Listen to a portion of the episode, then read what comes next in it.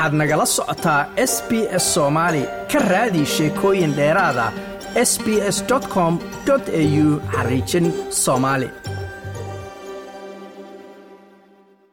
maalintii bishan way ahayd labayo tobanka waxaa loo dabaaldegay lixdan iyo saddex guuradii ka soo wareegatay markii la aasaasay ciidanka qalabka sida ee soomaaliya genaraal maxamed catoosh waxauu ka mid ahaa saraakiisha sare ee ciidanka sidoo kalena waxa uu soo noqday wasiir ku-xigeenka gaashaandhigga ee soomaaliya waxay ahayd lixdan iyo saddex guraagii ciidamada xooga dalka soomaaliyeed waktigii la aas-aasay soomaaliya sideedaba markii hore ciidamada xooga dalka soomaaliyeed meesha uu ka yimid aas-aaskiisa annaga waxaan ahayn dad loo yimid isticmaalkii markuu yimid annaga ciidan ma noo joogin isticmaalkii baa ciidanka bilaaway.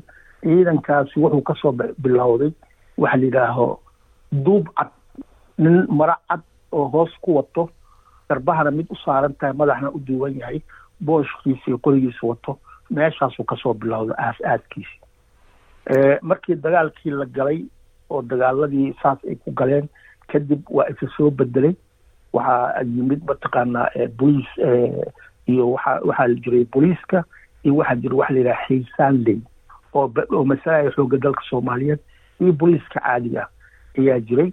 Saas u soo socday kun sagaal boqol markii la gaaray intre wuxuu waxay bedeleen talyaaniga iyo waxay go'aansadeen soomaaliya uma baahna military.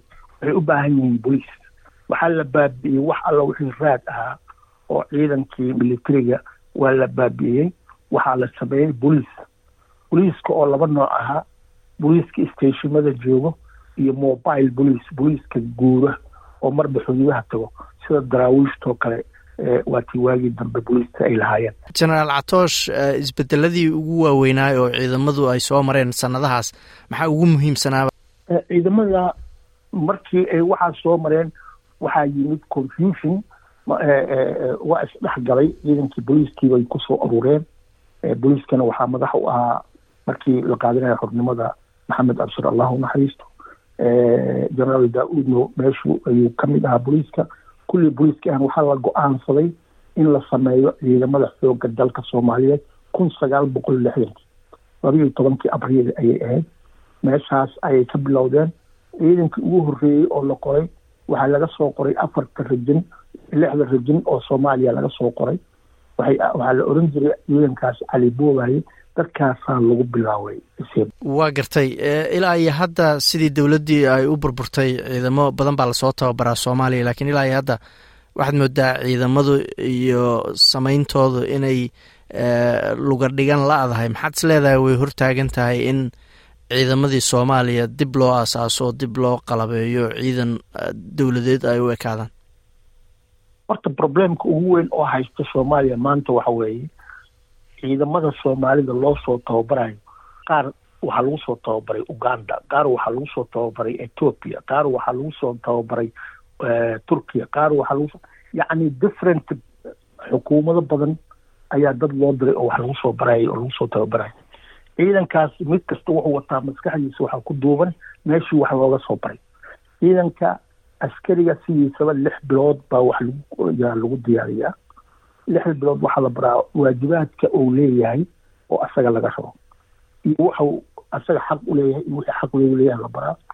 Haddee ciidan oo meel kale wax lagu soo baro yimid midkeeday leeyahay. Qoladii mooryaanta ka soo hartay waa ku dhex jiraan wixii oo dhan baa isku qasan waxay u baahan tahay dib u habeyn in lagu sameeyo.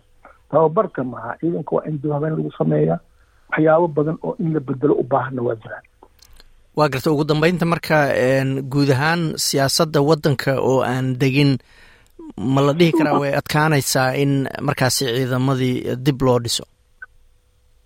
Ciidamadan dib in loo dhiso waxa weeye waxaad arkaysaa ragaan soo marin kulliyad aan waxba soo marin oo jananaha joogo dad waxaa jiro laba xidbilayaal ahaa oo maagii dowladda baabi'aysay oo jananaha joogo waxaa jiro dad aan dowladda iyo ciidanba soo marin oo jananaha joogo marka wuxuu waa isku qasan yihiin waxaa rabaa in la kala saaro.